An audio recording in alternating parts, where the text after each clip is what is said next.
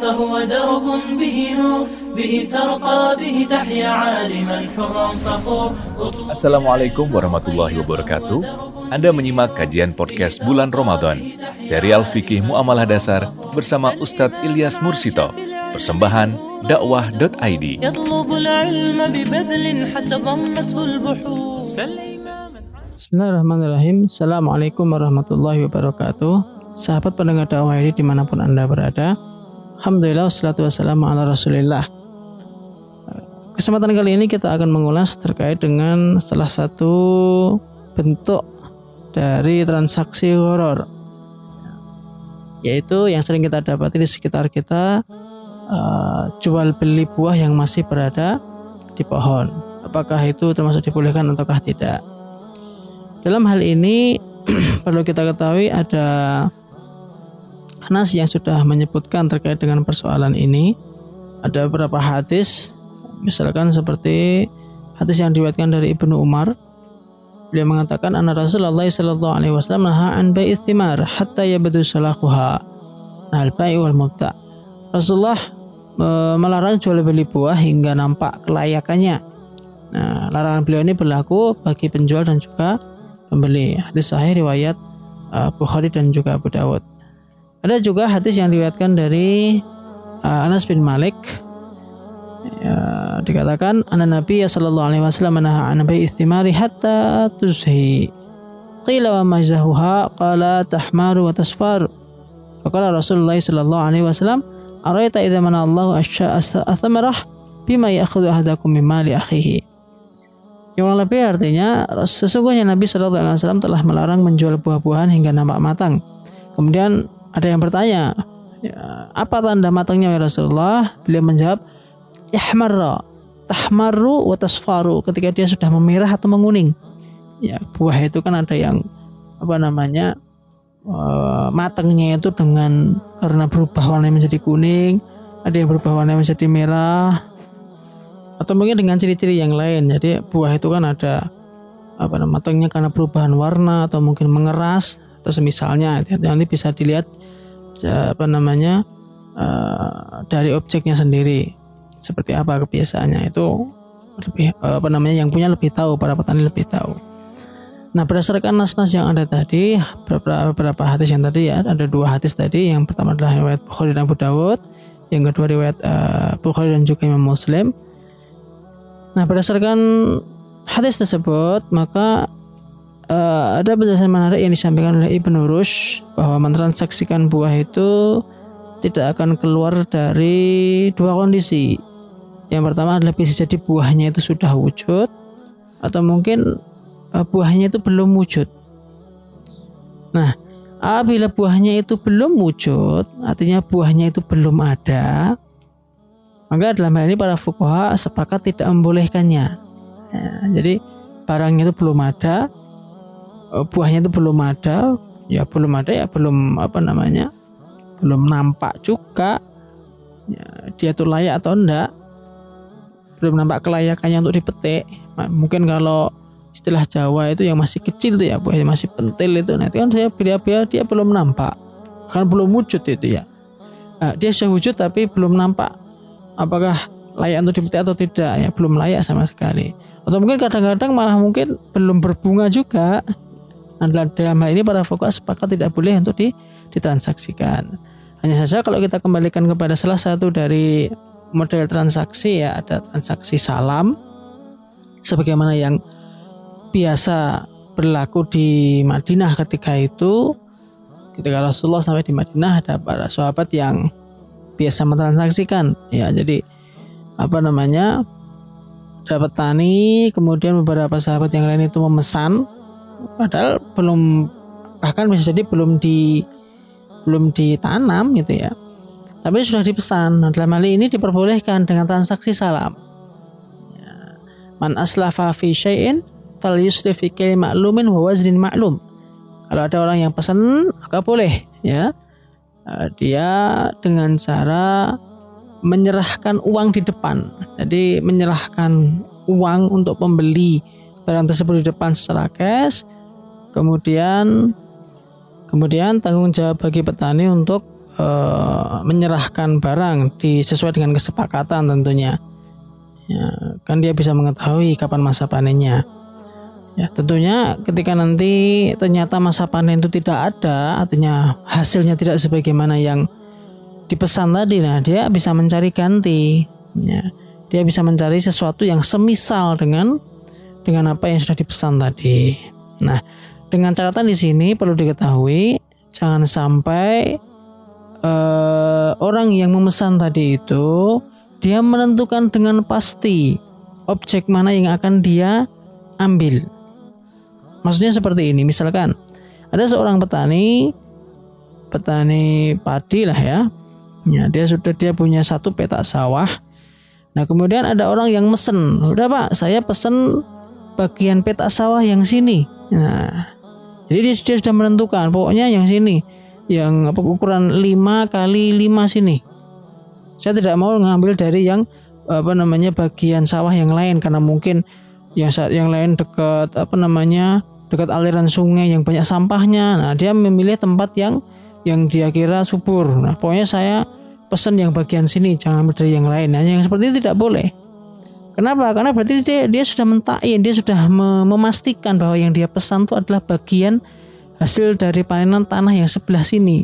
Nah, sementara dalam transaksi salam itu diperbolehkan ya dengan cara menentukan, ya memperjelas pesanan dia berapa. Oh, misalkan saya pesan, misalkan petaninya akan mem, mem, apa namanya menanam uh, beras rojo lele misalkan. Pokoknya saya pesan rojo lele Eh, uh, 10 ton misalkan.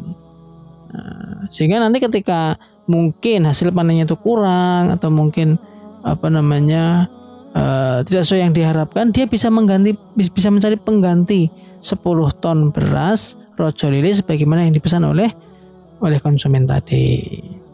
Nah, itu boleh sebenarnya ya. Jadi kalau belum wujud atau mungkin masih apa masih kecil belum layak itu para para ulama sepakat tidak boleh itu ditransaksikan ya.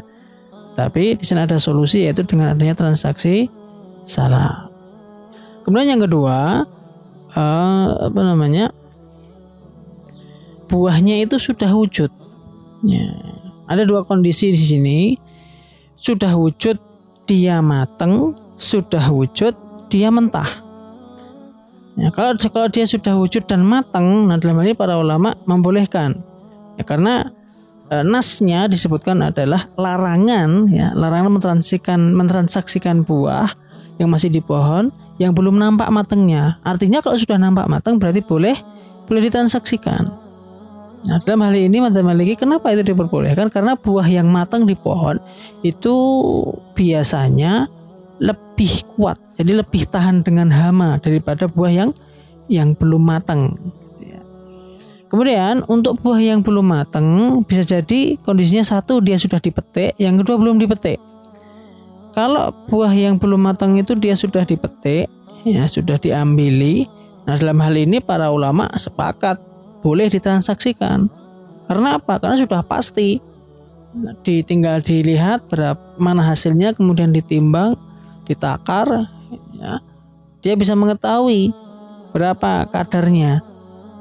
Nah, yang persoalan yang kedua adalah kalau buahnya itu belum dipetik. Ini kita sering mendapati ini ya. Ada ada beberapa orang yang dia mungkin punya beberapa buah pohon, pohon apalah ya. Nah, karena mungkin buahnya banyak, akhirnya datang orang menawar padahal ya buahnya itu ya masih mentah kemudian ditransaksikan nunggu matangnya baru kemudian di, diambil. Nah yang seperti ini tidak boleh berdasarkan nas tadi. Karena ada horornya apakah nanti horornya di mana letaknya?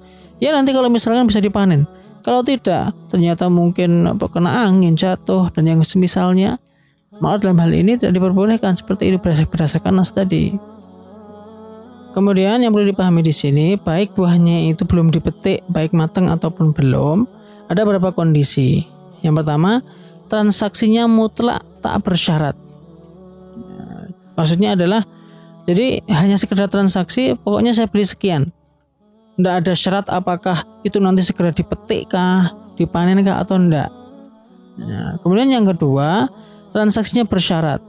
Ya, bersyarat entah itu syaratnya dibiarkan dulu di pohon udah pak eh, tak beli sekarang tapi nanti panennya satu bulan lagi. Nah itu berarti dia disyaratkan untuk dibiarkan dulu di pohon atau mungkin eh, apa disyaratkan pokoknya saya beli tapi langsung saya panen. Nah ini berarti bersyarat. Kalau misalkan transaksinya itu mutlak tak bersyarat ya nah di sini para fuqaha sepakat. Itu tidak diperbolehkan. Dengan bahasa yang lain madhab Hanafi kalau dimutlakkan itu boleh karena berarti segera dipanen.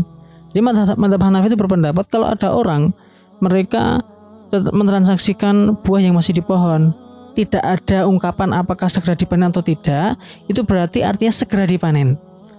Nah ini menunjukkan eh, apa namanya sebenarnya jumhur jumhur ulama selain Hanafi termasuk madhab Hanafi tidak boleh kalau misalkan buah itu masih di pohon tapi tidak segera dipanen. Ya. Kalau madhab kalau jumhur ulama selain Hanafiyah secara tegas, kalau itu mutlak tidak boleh karena kalau dimutlakkan tidak ada syarat itu berarti buahnya dibiarkan dulu. Ya. Tapi kalau madhab Hanafi beda dengan bahasa yang berbeda. Madhab Hanafi membolehkan berarti itu artinya segera dipanen. Nah, seperti itu.